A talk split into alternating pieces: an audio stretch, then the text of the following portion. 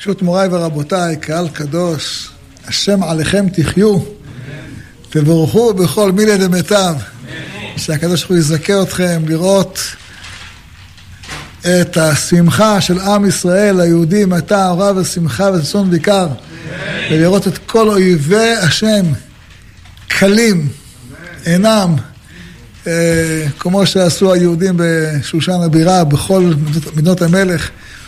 כמו שהרב עליו השלום היה תמיד אומר, יש המן ויש עשרת בני המן. המן, היעד שלו זה להשמיד, להרוג ולאבד את היהודים. עשרת בני המן זה אלה שלא יכולים לסבול שיהודים מתיישבים בארץ ישראל ובירושלים. הם אלה שכותבים שטנה על אה, יושבי יהודה וירושלים ומנסים למנוע את ההתיישבות של יהודים, של יהודים בירושלים. אז uh, המגילה מספרת לנו שגם הוא נתלה וגם הם נתלו כדי ללמד את כולם, תיזהרו, דיר באלק. Uh, הדבר הזה סכנה להתעסק עם עם השם. אנחנו רוצים לדבר, ברשותכם, על השמחה שצריך לעשות גם בחודש אדר, גם בפורים, כשיש מלחמה וכשלוחצים עלינו. לוחצים עלינו לוותר על ארץ ישראל, רוצים שנקים מדינה פלסטינאית, נגד מה שכתוב בתורה, נגד מה שכתוב בנביאים, נגד מה שכתוב בכתובים, נגד מה שכתוב בשולחן ערוך, נגד הטובה של עם ישראל. יש עמים כאלה שהשם ישלח להם חוכמה, בינה ודעת. האם במצב כזה, יש הרוגים, יש פצועים, אנחנו שמחים בחודש אדר או לא שמחים בחודש אדר? אז תמיד צריך להזכיר. אנחנו כולנו שרים. ליהודים הייתה ערב ושמחה וששון ויקר, נכון? ותמיד צריכים לזכור, הפסוק הזה נכתב לא אחרי שעם ישראל ניצח. הרבה הרבה לפני שעם ישראל מנצח. הוא נכתב בחודש סיוון, כ"ה סיוון, באותה שעה שהמלך אומר למרדכי ולאסתר, יש לכם רשות להתגונן. זהו. מה פירוש רשות להתגונן? כדי, כדי לסבר את האוזן, מספר היהודים היום בארץ ישראל, בעם, בכל העולם, הוא 15.7 מיליון, אומרים, משהו כזה. מספר הגויים זה 8 מיליארד. זה על כל יהודי אחד יש יותר מ-500 גויים. בזמן מרדכי ואסתר, היחס היה יותר גרוע. למה? כי 70 שנה קודם לכן, נבוכדנצר משמיד את העם היהודי. הוא ונבוזרדן רב טבחים, אחראי לטבוח כל אחד. נשארים מעט מאוד יהודים בעולם. אז אין הרבה יהודים. נו, אז המלך מרשה ליהודים להתגונן. מה יכול אדם אחד להתגונן מול 500? או מול אלף? זה מה שהם קיבלו רשות, בכ"ה סיוון. אבל היהודים, במקום להיות מדוכאים, יש לנו אסתר בבית המלך, יש לנו את מרדכי, קיבל את בית המן, אבל לא מצליחים לבטל את הגזרה.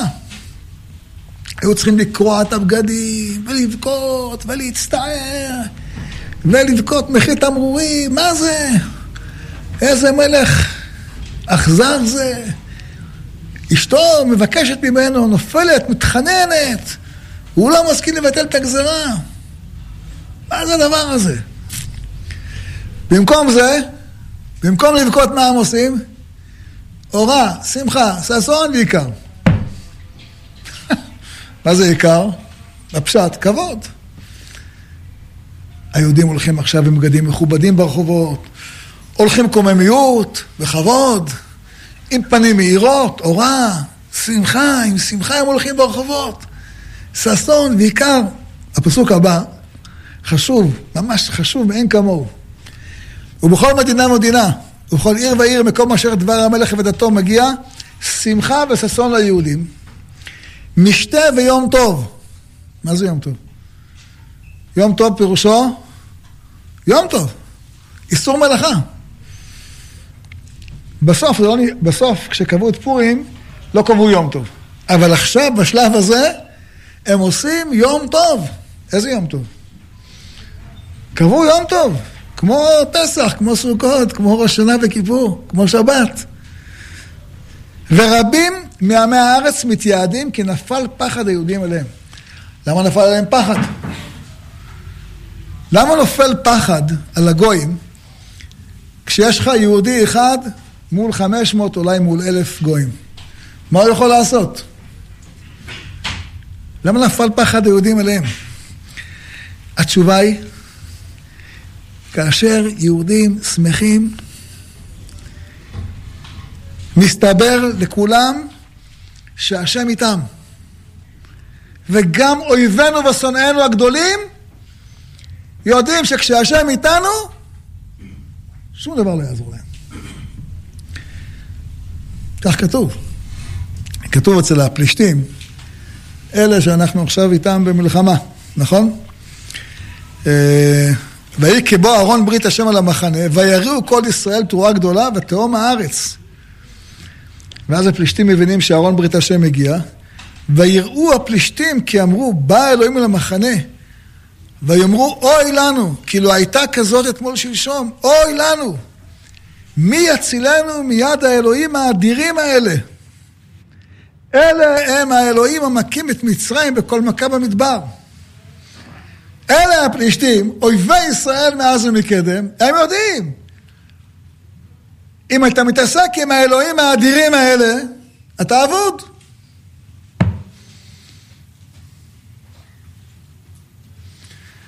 וזה גם מה שקורה לכל הגויים במאה ה-27 מדינה.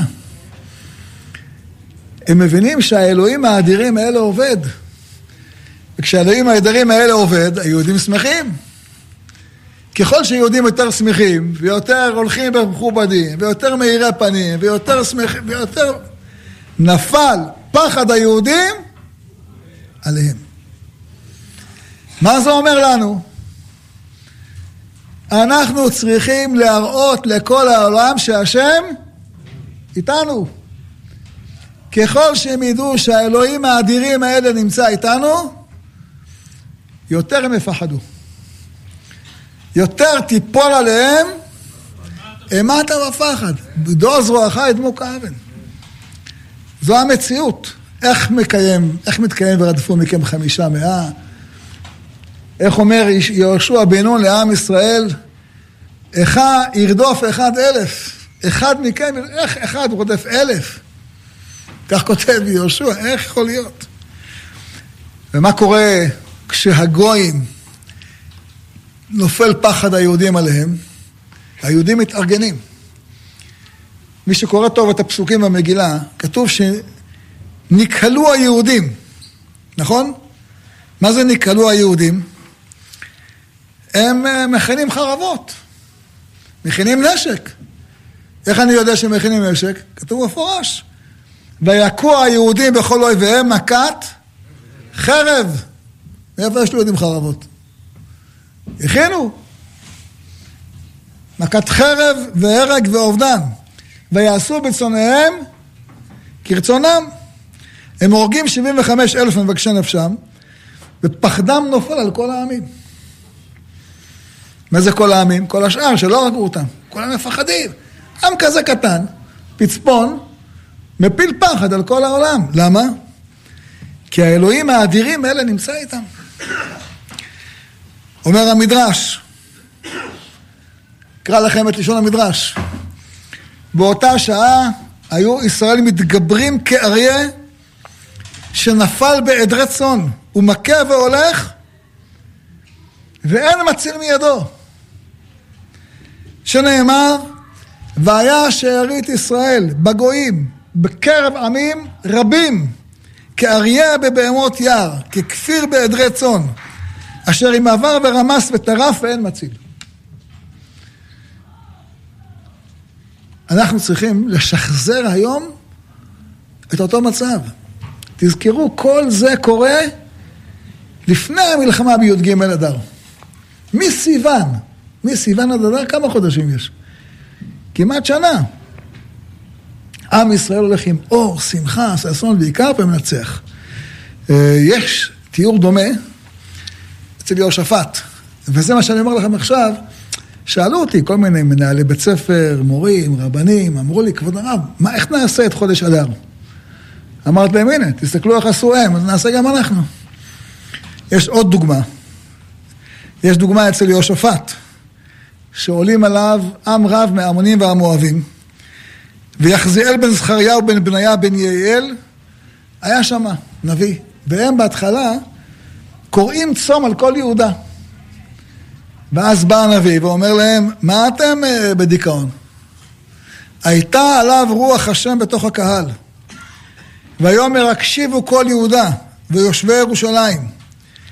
והמלך יהושפט, כה אמר אדוני לכם, אתם אל תיראו ואל תחתו מפני ההמון הרב הזה, אל תפחדו. כי לא לכם המלחמה כי לאלוהים.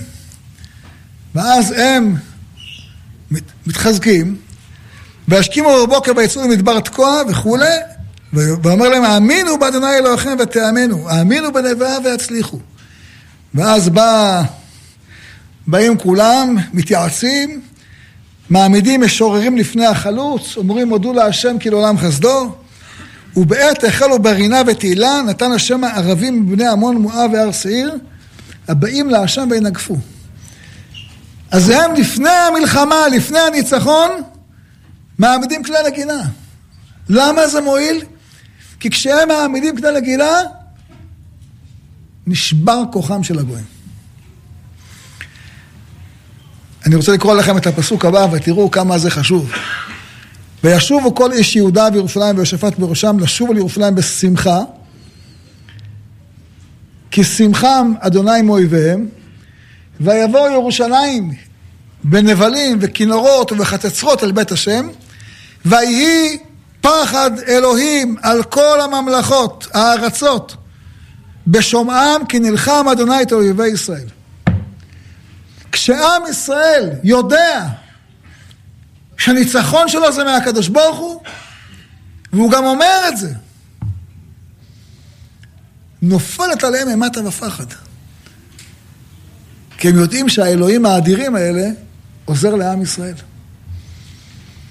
אם אנחנו רוצים שיפול עליהם אימתה ופחד, מה אנחנו צריכים? נבלים, כינורות וחצוצרות. אנחנו צריכים להיות מלאי שמחה וביטחון. יש סיפר, סיפור שסיפר לי יהודי יקר, עליו השלום מצפת, קראו לו מאיר המאירי. הוא סיפר לי שבשנת תש"ח כל הערבים ברחו בראש חודש אייר מצפת. כמו שברחו, אגב, מכל הארץ. גם צפת הייתה אחד מהמקומות. והוא סיפר לי שהוא פגש לימים את מי שהיה מפקד הערבי של צפת, קראו לו פאוג'י אדורה. אומר, פגשתי אותו, זקן, הולך על מקל, מסתובב בצפת, אמרתי לו, דיברתי איתו בערבית צפתית. שאלתי אותו, מה שלומך? וזה, ישבתי איתו. אמרתי לו, למה ברחתם? למה ברחתם? הייתם פי עשר מאיתנו. איך ברחתם? למה ברחתם? אומר, ראינו את הביטחון שלכם. ראינו את הביטחון שלכם. הבנו השם איתכם, חווה להתעסק איתכם. ראינו שהבריטים מציעים לכם לעזוב את צפת, להגיע למקום אחר, ואתם לא מפחדים, אתם נשארים. הביטחון שלכם, זה מה שהפיל עליהם אימת על הפחד. זה מה שקרה בימי מרדכי ואסתר. נפל פחד היהודים עליהם. זה מה שקרה בימי יהושפט. ויהי פחד אלוהים על כל ממלכות הארצות. זה גם מה שקרה בקריאת ים סוף. עם ישראל אומר, זה עלי וענווהו? וואו, הם נבהלים, האלוהים האדירים האלה. שמעו עמים ירגזון, חיל אחד זו פלשת. מה ישבור את כל הסינואר וכל החבר מרעב? זה שמתים מחבלים, לא אכפת לו, מה אכפת לו? העיקר יש לו בבנק מיליארדים. כשהוא יבין שהאלוהים האדירים נמצא עם עם ישראל, אז הוא יבין שהוא מת בעולם הזה ומת בעולם הבא. גיהנום בעולם הזה וגיהנום לנצח נצחים. אז הוא יבין שהוא וכל החברים שלו נדונים לזפת רותחת לנצח נצחים.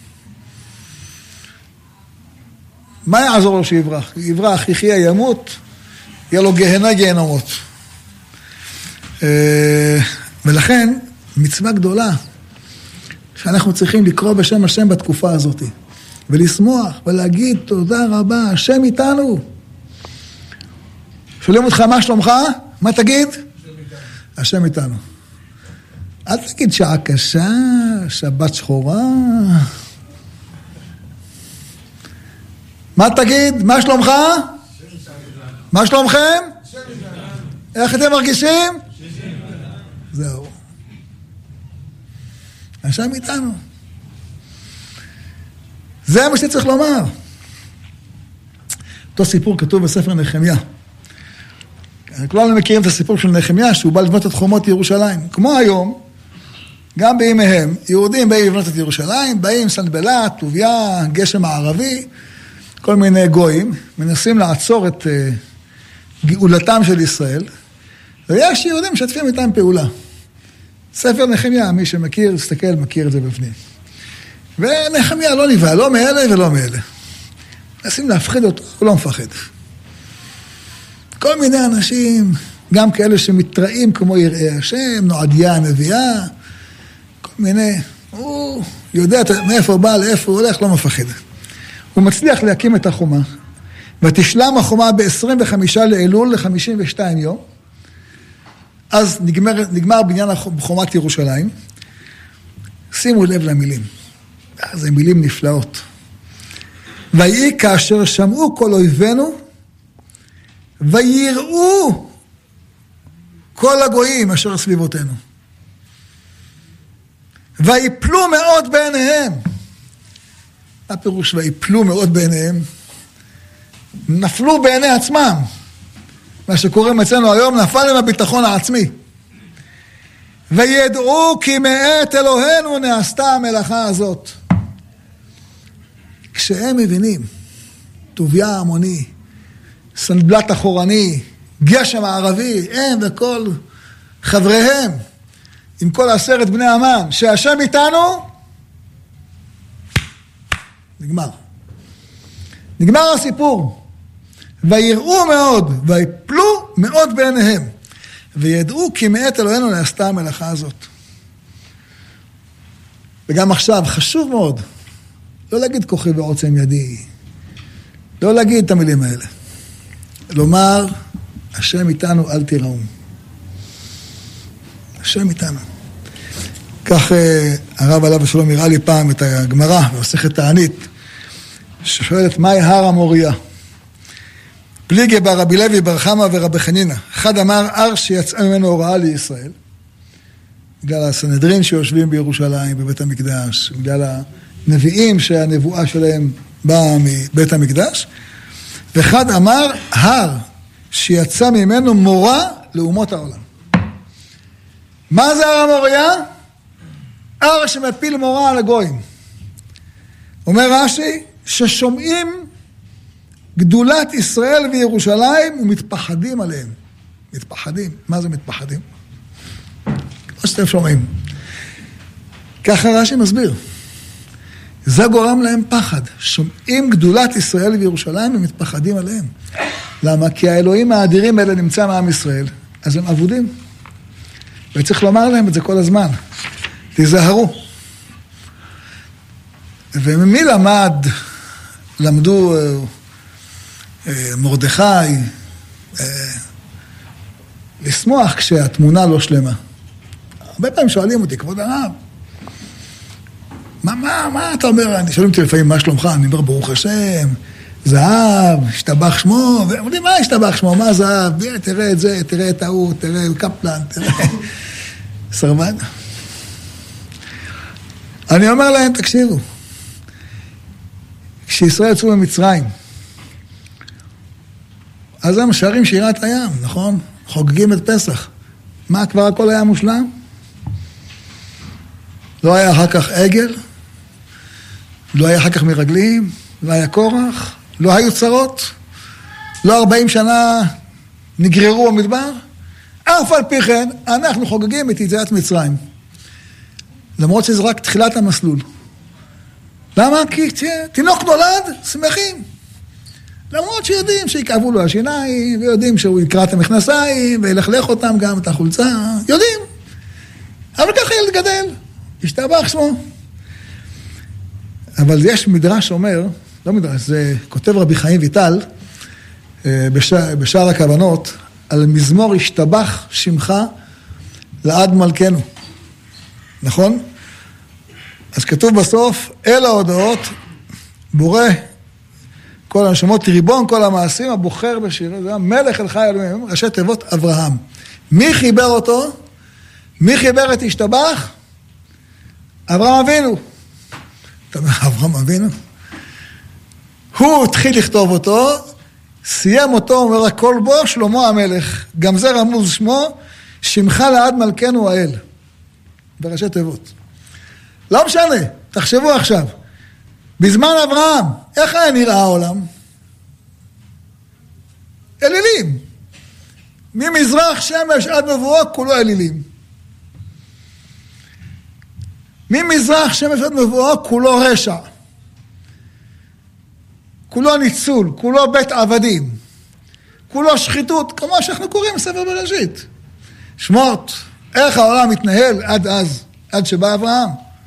אז מה אתה אומר, השתבח שמך, אלה המלך הגדול, הקדוש בשמיים ובארץ. איפה בשמיים ובארץ? שיר ושבחה, על מה שיר ושבחה, ליל וזמרה? נהי ובכי וקינה ואבלות וצום וברי ומספד. לא, אבל אברהם לא אומר נהי ובכי וצום ובכי ומספד. מה אומר? שיר ושבחה.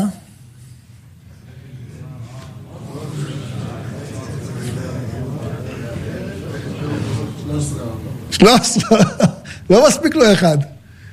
לקח את כל הקופה. אומר אברהם, אנחנו חייבים כבר לחיות בנפש בגאולה.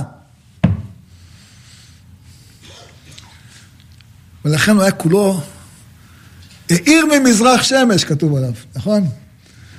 איפה למד משה פני משה כפני חמה? מאברהם הוא למד. מאיר ממזרח שמש, אברהם. הוא כולו הולך בשם השם. אז כל האנשים שרואים אותו ושומעים אותו אומרים, וואו, כדאי להיות כמוהו. כדאי להידבק בו.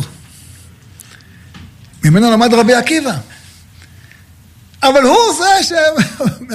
אם אברהם היה אמר השתבח, אני לא יכול להגיד השתבח. איפה אנחנו, איפה הוא? הוא היה העולם כולו במ"ט שערי טומאה, אנחנו נשאר עליי שער אחד. אז אנחנו לא נרקוד בהשתבח שמך עד מלכנו? ועוד כתוב, מי סיים אותו? שלמה המלך. נו, מה היה בימי שלמה המלך? אנחנו תמיד אומרים שלמה המלך, באמת, שלמה המלך, כל העולם נוהר לשלמה, רואה את בית המקדש, מתלהב, מתפעל, מביא קופים, שנהבים, תוכים, כל מיני, כתוב שם בספר אה, מלכים. והוא חוזר הביתה, מה קורה בבית שלו? ממשיך לעבוד אלילים. זה מה שהיה, נכון? וכי היה איזה אומה שהתגיירה בזמן שלמה המלך? לא היה. בבית שני כבר התחילו. העולם כבר התחיל לזוז. בבית ראשון לא. בית ראשון כולם מתלהבים משלמה ומבית מלכותו ואפילו מלכת שבא. לא שמענו שמלכת שבא התגיירה? שהמלכה, את רואה, תביאי את הטעם שלך, תגידי עכשיו כולכם עושים ברית מילה ונחזרו כולכם בתשובה. אין דבר כזה. אין דבר כזה. העולם לא היה בשל לעזוב את האלילות. רק בבית שני, עזרא הסופר מבטל יצרא בעבודה זרה, זה מתחיל לזוז קצת. אף על פי כן, שלמה המלך אומר ישתבח. אומר, אה, אברהם אמר, גם אני אומר.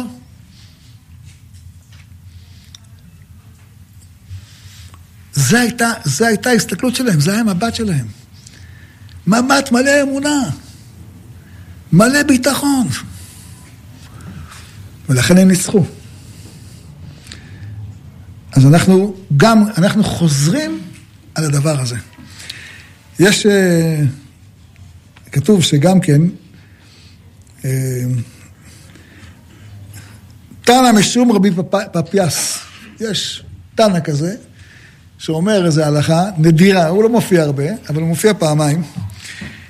גנאי הוא למשה ושישים ריבו שלא אמרו ברוך עד שבא יתרו ואמר ברוך השם. באה מסכת, אה, מסכת ברכות, פרק הרועה, אומרת, מאיפה לומדים כל הברכות? מיתרו. יתרו ילמד אותנו לברך. מה, לא? איפה משה ואהרון ומרים ועם ישראל, שישים ריבו? אומר, אומר רבי פספיאס, גנאי לעם ישראל שלא אמרו ברוך עד שבא ואמר יתרו. אז יש קושייה, מביא אותה הרב עליו השלום, בשם רבנו יוסף חיים, גאון עוזרנו ותפארתנו, זכותו תגנו לנו בעליכם אמן. ובשם המהרשה, אחד מגדולי העולם. שאלה, יש הלכה שאומרת, כל ברכה שאין עימה שם ומלכות, אינה ברכה. מה פירוש? כל ברכה אתה צריך לומר, ברוך אתה, השם, אלוקינו מלך העולם, בורא פרי העץ, פוקח עברים, אתה אומר בבוקר, נכון? מה פירוש? אני לא רק מודה על העיניים שלי, שאני רואה, אני מודה על העיניים של שמונה מיליארד אנשים בעולם, של אלוקינו מלך העולם. אני גם מודה על העיניים של כל בעלי החיים. אפילו של הזבובים יש להם אלף עיניים. אני מודה על זה שאתה, הקדוש ברוך הוא, בורא את כוח הראייה בעולם, בראת העיניים. ברוך אתה השם זוקף כפופים. ברוך אתה השם אלוקינו מלך העולם. לא אמרת את זה, לא יצאת ידי. צריך לומר בכל ברכה את כל הנוסח הזה. אלא אם כן, זו ברכה הסמוכה לחברתה. ויש תוספות שאומר, אם ככה, שאלה קשה עם תשובה מדהימה, אני כמעט כל יום חושב על השאלה והתשובה הזאתי, כדאי לכם גם כן. יש תוספות שואל, למה בברכת שמונה עשרה לא כתוב אלוקינו מלך העולם? כתוב אלוקינו, אלוקי אבותינו, אלוקי אברהם, אלוקי יצחק ואלוקי יעקב, נכון? אז הוא שואל תוספות, איפה אלוקינו מלך העולם? אמרת, בלי אלוקינו מלך העולם לא יוצאים ידי חובה. את התשובה כולכם מכירים. כשאתה אומר אלוקי אברהם, אלוקי יצחק ואלוקי יעקב, הרי אמרת אלוקינו מלך העולם, כי הם אלה שפרסמו את שם השם בכל העולם. כך אומר תוספות. על פי זה אומר הרב, דבר מדהים. יתרו, הוא לא צריך להגיד אלוקינו מלך העולם. עצם העובדה שבא גוי כמו יתרו, ואומר, אתה ידעתי כי גדול השם מכל האלוהים. זה מתפרסם בכל העולם. מה? זה שהיה כהן בכל העבודה הזרה שבעולם, הוא אומר, ידעתי כי גדול השם מכל האלוקים, זה כמו לומר אלוקינו מלך העולם. ככה הוא כותב. אני רוצה להזכיר את זה, כי אתם יודעים, בשבוע שעבר אני חושב, היה פה נשיא ארגנטינה, נכון?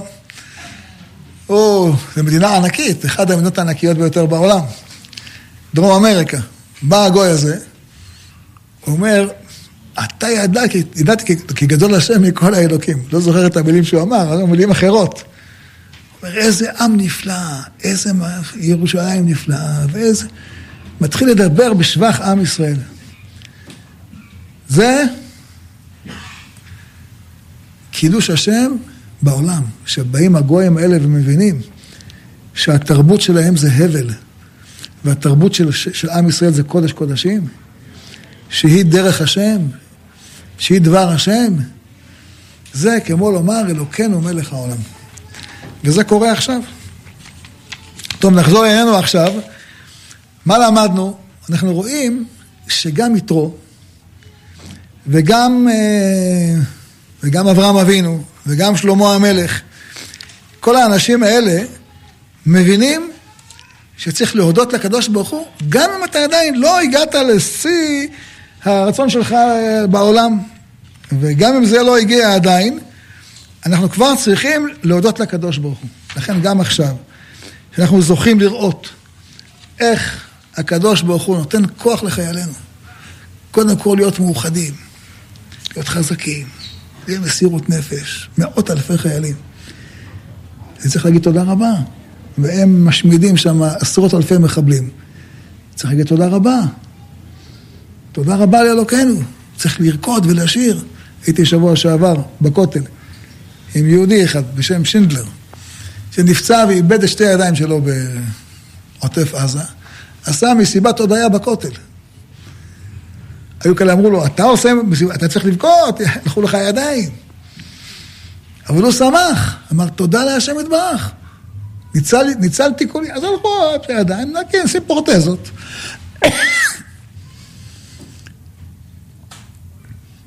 אמר תודה. אה, וזה התפקיד שלנו, לומר תודה לקדוש ברוך הוא. אם הם יודעים לומר תודה, אנחנו בטח נגיד תודה. אמרנו שיתרו אה, אמר תודה. אז יש אה, בגמרא בזבחים מחלוקת מאוד מעניינת, ממש חשובה לענייננו. מחלוקת בין רבי יהושע לרבי אליעזר. רבי יהושע ורבי אליעזר, כולנו יודעים, אלה היו רבותיו של רבי עקיבא. והם, לכל אורך הש"ס, יש להם אה, כיווני, כיוונים שונים, זה מרתק להבין מה היסוד של כל אחד מהם, ראיתי פעם בספרים ולא כאן המקום והזמן. אבל חלק מהמחלוקת העקרונית שלהם לכל אורך הש"ס, היא בשאלה הזאת. מה שמע יתרו ובא? רבי יהושע אומר, מלחמת עמלק שמע. למה? שהרי כתוב לפני יתרו, ויחלוש יהושע את עמלק ואת עמו לפי חרד, לפי חרד. הוא שמע שהייתה מלחמה בין ישראל לבין העמלקים, וניצחנו אותם. זה הדבר הכי טבעי שבעולם, נכון? מלחמה, מנצחים. רבי אליעזר אומר, קריאת ים סוף שמע ובא. שנאמר, ויקשמוע כל מלכי האמורים, וימס ליבם, ולא היה בהם עוד רוח מפני בני ישראל. הם שומעים את קריאת ים סוף, שזה מעשה אלוקי, נכון? השם יילחם לכם, ואתם תחרשון. אז אם הייתי שואל אתכם, מה יותר דרמטי? מה יכול לגרום ליתרו שעבד כל עבודה זרה שבעולם, לבוא לומר, וואו, זה עם פלאי, אין כמוהו. יותר מכל, איזה אלוקים יש לו. קריאת ים סוף או מלחמת עמלק? אני הייתי אומר, מלחמת עמלק, אה, סליחה, קריאת ים סוף. זה הדבר שלא קורה בכל האנושות, לא קרה על כל הגלובוס, קרה רק פה. וואלה, באמת אלוהים אדירים. נכון? זה מה שאומר רב לזר. הגיוני. יש לו גם פסוקים שתומכים בדעתו. אז למה רבי יהושע אומר ש... שמע מלחמת עמלק ובא? אה, יש הרבה מלחמות בעולם, פעם זה מנצח, פעם הוא מנצח, אז הם ניצחו פעם, ומה קרה? איך זה שהם ניצחו גורם לך להפוך את כל הדעות שלך ולזנוח את כל האמונות הישנות שלך ולהאמין בעם ישראל? נכון? התשובה היא, יתרו היה חכם.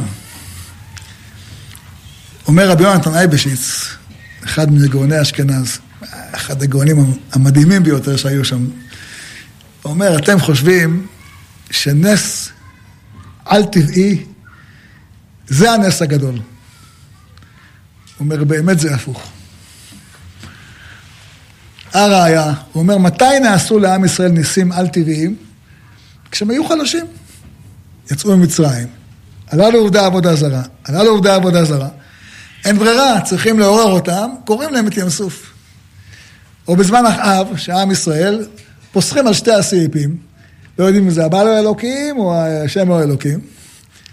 אז הקדוש ברוך הוא עושה ניסים לאליהו בהר הכרמל, כולם רואים אש מן השמיים, כולם צועקים, השם הוא אלוקים. זאת אומרת, אז הם היו חלשים באמונה. לא הייתה ברירה, היו צריכים לעשות להם פירוטכניקה. אבל כשעם ישראל חזק, כמו בתקופת מרדכי ואסתר, קיימו וקיבלו על יהודים עליהם ועל זרם, קיימו, קיימו, קיימו וקיבלו את התורה מחדש, עושה להם הקדוש ברוך הוא ניסים דרכם, כמו דוד המלך. כי בך ערוץ גדוד ובאלוהי אדלג שוב. נס שמתגלה דרכך. לא מבחוץ לך, אתה עומד בחיבוק ידיים ואלוקים עושה לך את העבודה. זה כשאתה חלש, אין ברירה, נעשה לך ככה. אומר רבי נתן אייבשיץ, לכן כתוב על אסתר, איילת השחר. זה מה שכתוב, מה השחר, סוף הלילה, אף אסתר, סוף הניסים. בסוף הניסים זה טוב או רע? כנראה שזה טוב. למה? כי אנחנו מאמינים גם בלי שנקרא לנו היום. רואים את השמש זורחת? וואו, איזה פלא, השמש זורחת. השם הוא האלוקים. זה הרבה יותר מאשר לקרוא, לראות את הים קרוע ואתה אומר השם האלוקים. וואו, יורד גשם, פס, איזה נס, השתבח שמו. גם אתמול ירד גשם, גם שלשום ירד גשם, איזה ניסים. מה, האדמה מצמיחה פירות? איזה נס.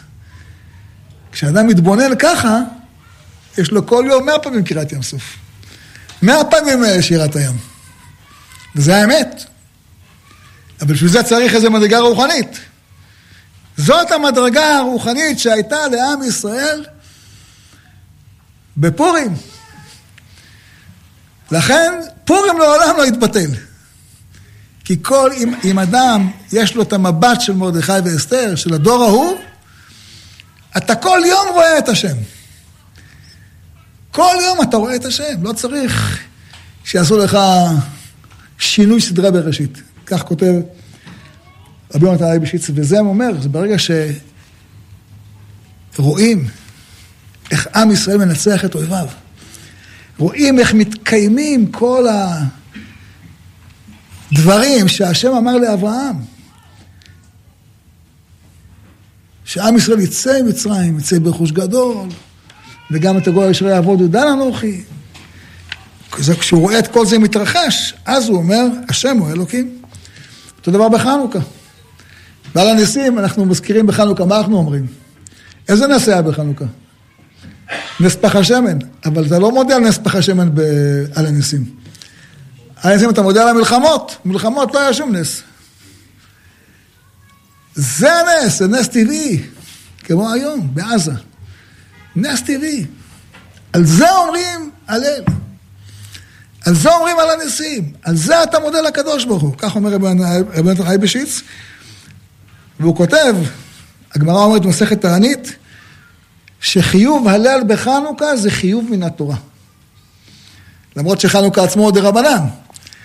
עצם העובדה שאתה רואה בניצחון הזה את יד השם, זה הכי גדול. שמונה ימים, אין דבר כזה. הלל שלם. כי זה המעלה. אני אומר את הדברים האלה כדי לעורר את עצמנו, להודות להשם בימים האלה. היום, אל תחכה בסוף המלחמה. עכשיו, כמו יהושפט, באמצע, כמו מרדכי ואסתר, באמצע. תודה עכשיו, זה מפיל עליהם פחד. תודה עכשיו, אתה מביא ברכה. כמה פעמים שמענו מהרב את הדברים האלה. עודך השם כעניתני, ותהי לי לישועה. הודו להשם כי טוב, כי לעולם חסדו. כשאתה מודה, אתה... כאן כתוב שאנחנו, יש, אפשר, בנושא הזה אפשר, הזמן לא, לא מספיק, אבל חכמינו אמרו שיש חובה להודות. אז לומדים, מאיפה לומדים הודעה? יש פרק בתהילים, ארבעה חייבים להודות, כולנו מכירים את זה, נכון? מי שהיה במאסר, מי שהיה חולה, מי שהלך בים, מי שהלך במדבר, כן? אבל יש גם אה, מזמורים שמחייבים אותנו להודות על מלחמה. יש מזמורים, חוץ ממה שהזכרנו עד עכשיו, נכון? כולכם מכירים את אה, דוד המלך. למנצח לעבד השם לדוד, אשר דיבר את דברי השירה הזאת ביום הציל השם אותו מכף כל אויביו ומיד שאול. השם הציל אותו מלמלחמות, הוא אומר שירה להשם יתברך. כן? האלה מעזרני חיל, ותנדמי בדרכי, משווה רגלי כאיילות, ועל אבותי יעמידני. מלמד ידיי למלחמה, וניחתה קשת נחושה זרועותיי. מסיים דוד המלך ואומר, על כן עודך בגויים, אדוני, ולשמך אזמרה. יש מצווה להודות לניצחון במלחמה. ראינו מקודם על יהושפט, נכון? איך הם באים לירושלים בנבלים ובכינורות ובחצצרות. הם מודים על ניצחון במלחמה. כן? ולעומת זאת, כשחזקיהו מנצח את סנחריב ולא אומר שירה, אז הוא מאבד את הזכות להיות משיח. אנחנו צריכים לצאת מפה, אני אשכנע אתכם, שבסוף השיעור הזה אתם תרקדו. לא רק פה, אלא בכלל. הביתה תלכו בריקוד, בבית תרקדו, תלכו לישון, אתם רוקדים. יושנים על המיטה, רוקדים. בחלומות שלכם מה אתם עושים? רוקדים. מה שאתם עושים. קמים בבוקר רוקדים, שרים להשם. כל הזמן. וככל שאנחנו יותר לשיר להשם, כך ייפול עליהם אימתה ופחד. אז זה אדם ידע, זו העבודה הרוחנית שלנו עכשיו. לשיר להשם יתברך, שירים, שירים, שירים, כן? אמ, יש בנושא הזה הרבה הלכות, כי מלבד השירים, יש דבר שמאוד חשוב לעשות אותו. ממש חשוב. אה, כתוב אצל... אה, אצל אה, רשב"י, שהוא יוצא מהמערה, אחרי שכבר מת הקיסר, נכון? זה לא היה ניצחון במלחמה, אבל זה כבר היה ניצחון קטן שלו. הקיסר רדף אותו ולא הצליח. הם הקלים ונאבדים, ועם ישראל חי וקיים. כתוב, ויחן את פני העיר. כולנו מכירים את הגמרא, מסכת שבת. אה, אומר רבי שמעון, כמו שיעקב, שניצל מעשו, כתוב, ויחן את פני העיר, אומרת הגמרא, כשהוא מגיע לשכם, תיקן מטבע, רב אמר, מטבע תיקן להם. שמואל אמר, שווקים תיקן להם. רבי יוחנן אמר, מחצאות תיקן להם. אז הוא עושה דבר טוב בעולם, נכון? הוא אומר, לא מספיק שאני אומר תודה לקדוש ברוך הוא, אני עושה משהו טוב למען הציבור. אומר רבי שמעון, אז גם אני אעשה דבר טוב למען הציבור. ניצלתי, אז אני אעשה דבר טוב. אומרת הגמרא, כולכם מכירים, טיהר את טבריה, נכון? למה הגמרא מספרת לנו את זה? כדי לומר לנו, לכל החיילים המשוחררים, איך אתה אומר תודה לקדוש ברוך הוא? חוץ ממה שאתה אומר תודה, ואתה שר להשם יתברך, אתה צריך לעשות עם הכוח שיצאת משהו טוב למען עם ישראל. ויחן את פני העיר. כמו שעשה יעקב אבינו, כמו שעשה רבי שמעון בר יוחאי, גם אתה תעשה. תשתמש בכוחות שקיבלת. קיבלת כוחות, עוצמות. דיברנו פעם על זה שכשהחיילים נלחמים, אז אה, באויבים שלנו מתלבש המן, מתלבש נבוכדנצר, מתלבש סנחריב. אמר לי עכשיו אה, חיים סוויסה, אה, נסראללה בגימטריה רמילוס. הוא גם אמר לי דבר מעניין, הוא אומר, תסתכל, הבן איש חי מביא שהמן הטיל אה, גורלות, אז הוא כותב, יצא לו אחד, שלוש, שלוש, הגג. היה מבסוט.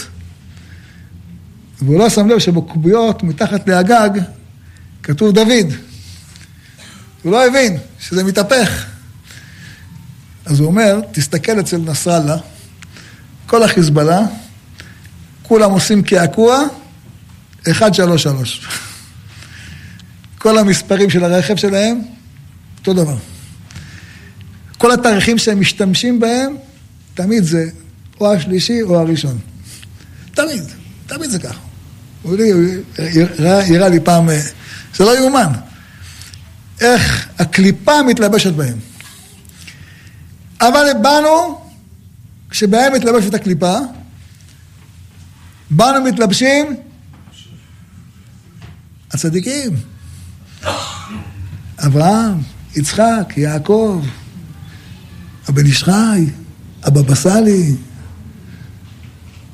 הבעל שם טוב, הגאון מווילנה, רבי נחמן. מאיפה הם מתלבשים? בחיילים. איך אתה חושב שהם מנצחים אותם? ככה מנצחים אותם. ככה מנצחים את כל הקליפות.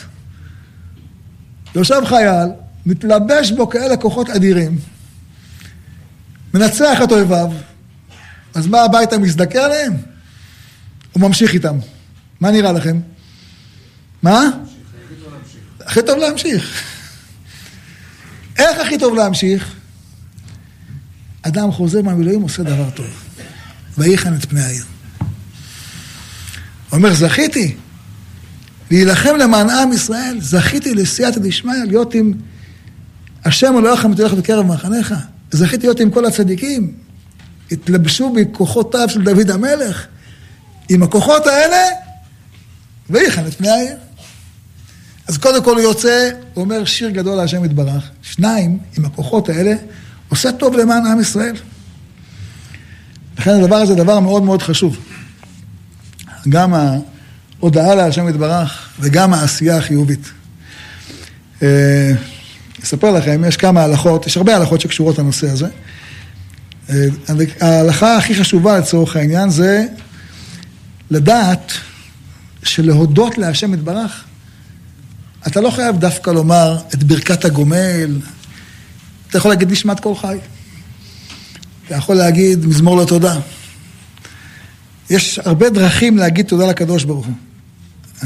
אחד הגמור, הסיפורים בגמרא יש על אה, חכמים שפעם אחת ראו את אה, אחד שלהם מתרפא.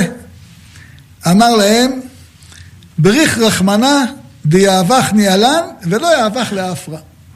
אמרו לו בארמית, ברוך הקדוש ברוך הוא שהשאיר אותך חי ולא שם אותך השם ירחם בעפר. אומרת הגמרא, יצאו ידי חובת ברכת הגומל. מה זה מלמד אותנו? להודות להשם יתברך, כל דיבור טוב. אתה מדבר בטלפון, תודה להשם יתברך במילים שלך.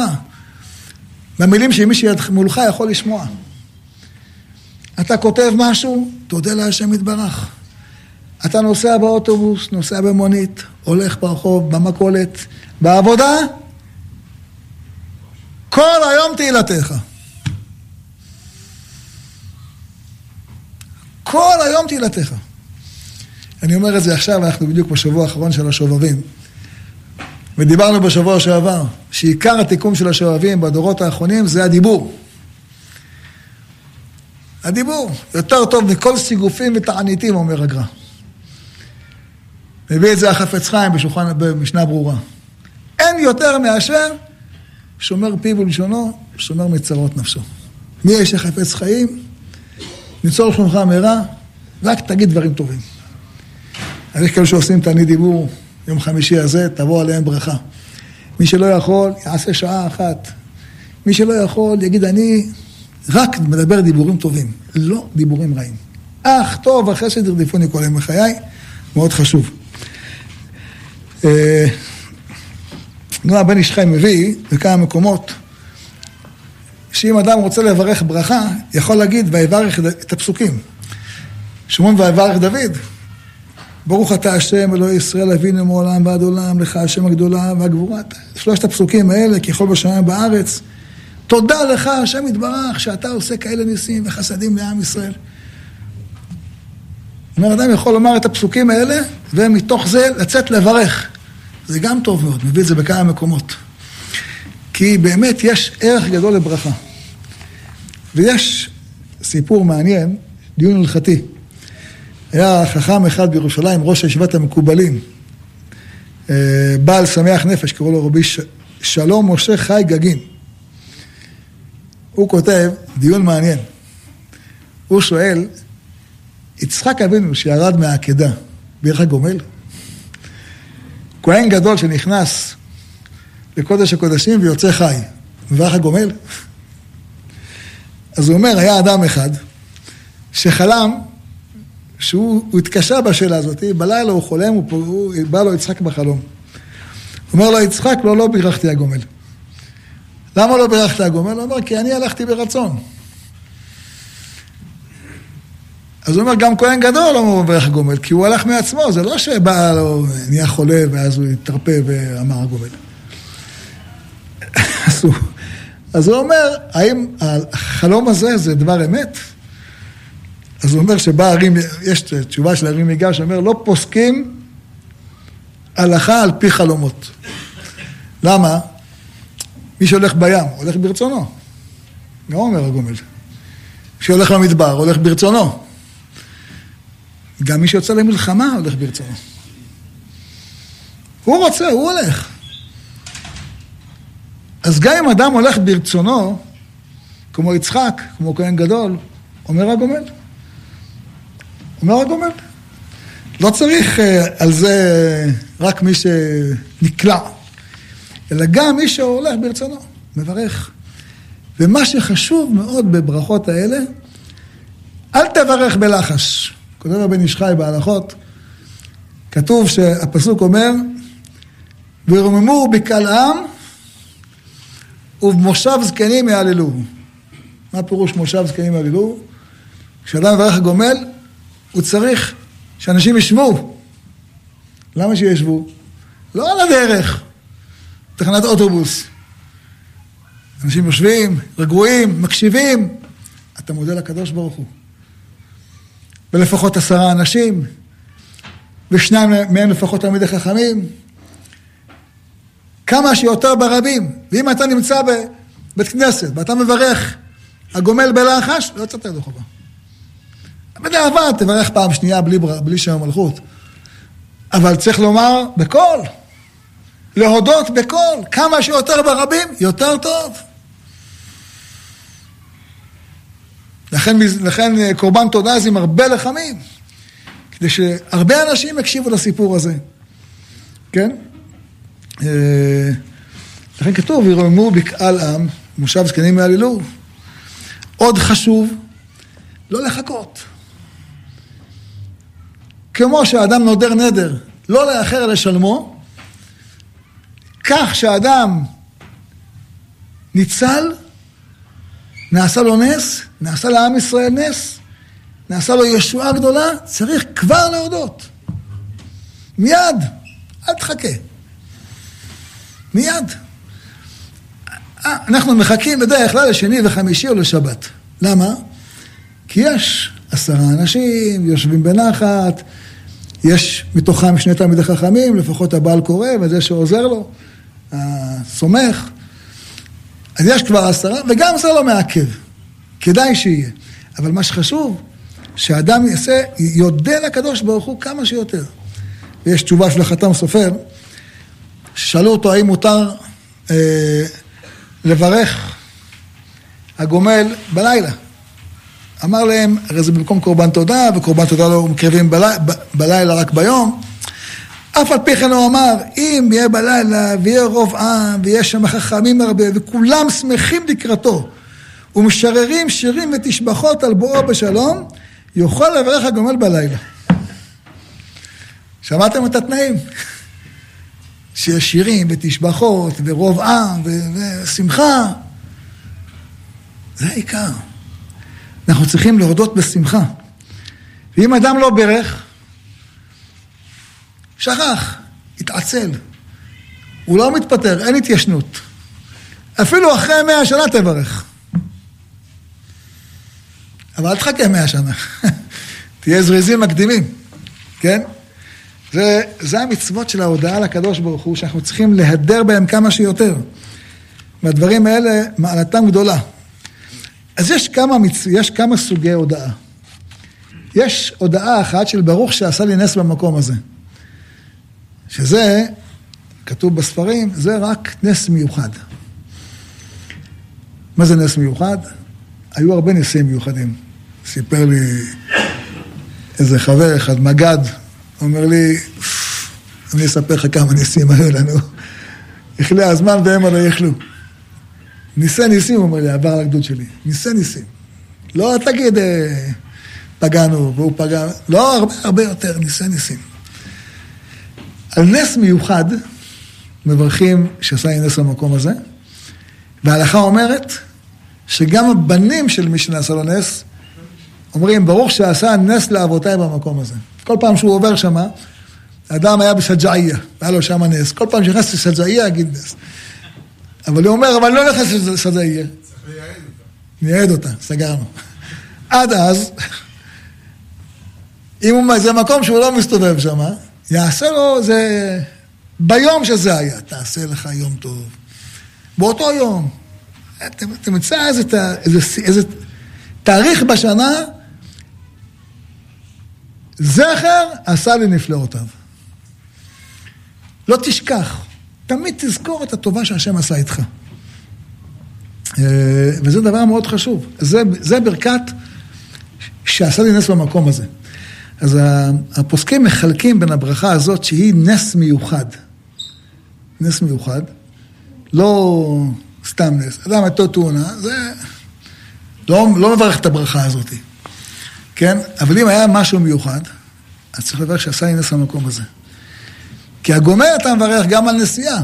אדם נסע 72 דקות, מברך הגומל, איזה נסיעה לך בנסיעה? מה קרה? היה לך כמו הבבא סאלי? בלי דלק נסעת? לא. זה היה לך ניסים כאלה. למעלה מגדר הטבע, אז זה לא מברך שעשה לי נס במקום הזה. אבל הגומל אתה מברך. אנחנו מברכים, כל יום אנחנו מברכים. ברכת מודים, על ניסיך שבכל יום עמנו, ולפלותיך וטובותיך שבכל עת. אנחנו מודים, נכון? בנשמת קולך, אתה אומר, תודה להשם יתברך, בסיבה אה, קלקלתנו, מדבר צלתנו, בכל האם רעים ורבים נדיתנו, אתה, אתה מודה. יש דבר שאתה מודה עליו כל יום, יש דבר שאתה מברך עליו באירוע מסוים כמו אה, נסיעה וכולי, ויש ברכה מיוחדת שעשה נס במקום הזה, שזו ברכה ייחודית לאירוע מיוחד של נס מיוחד. לא לכל דבר אתה מברך את הנס שעשה נס במקום הזה, כן? אה, ככה מחלק הביאור הלכה, וככה הגר"א מפרש, ועוד הרבה אחרים מפרשים. אה, עוד דבר חשוב מאוד יש, שולחן ערוך אומר אה,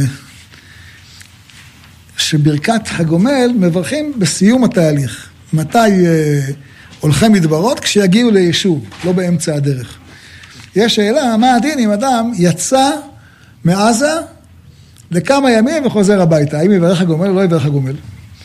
יש תשובת הרשב"א ששאלו אותו, על אדם שחולה, חולי הולך וחוזר.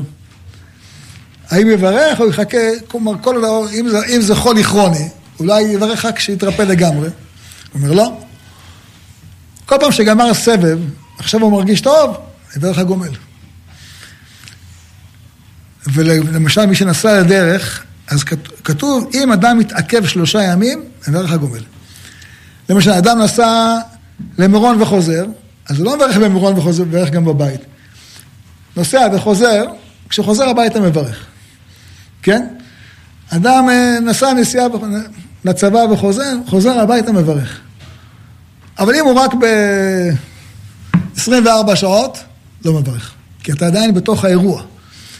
אבל אם יש לך שלושה ימים, אתה מברך הגומל. ואל תחכה לסוף המערכה, יש לך הזדמנות לברך. יש לך הזדמנות, ככל שאנחנו מברכים יותר, מתקיים בנו, תיפול עליהם אימתה ופחד. הם יודעים שהשם נלחם לכם. אז כמו שנפלה אימתה ופחד בקריאת ים סוף, כמו שנפלה אימתה ופחד בזמן יהושפט, כמו שנפלה אימתה ופחד בזמן מרדכי ואסתר, כך גם בימינו. אנחנו נודה לקדוש ברוך הוא, ומתוך ההודעה הזאת הם יבינו שהשם איתנו, ותיפול עליהם אימת ובפחד, בגדול זרעך ידמו, אמן ואמן. רבי חניה בן הקשה אומר.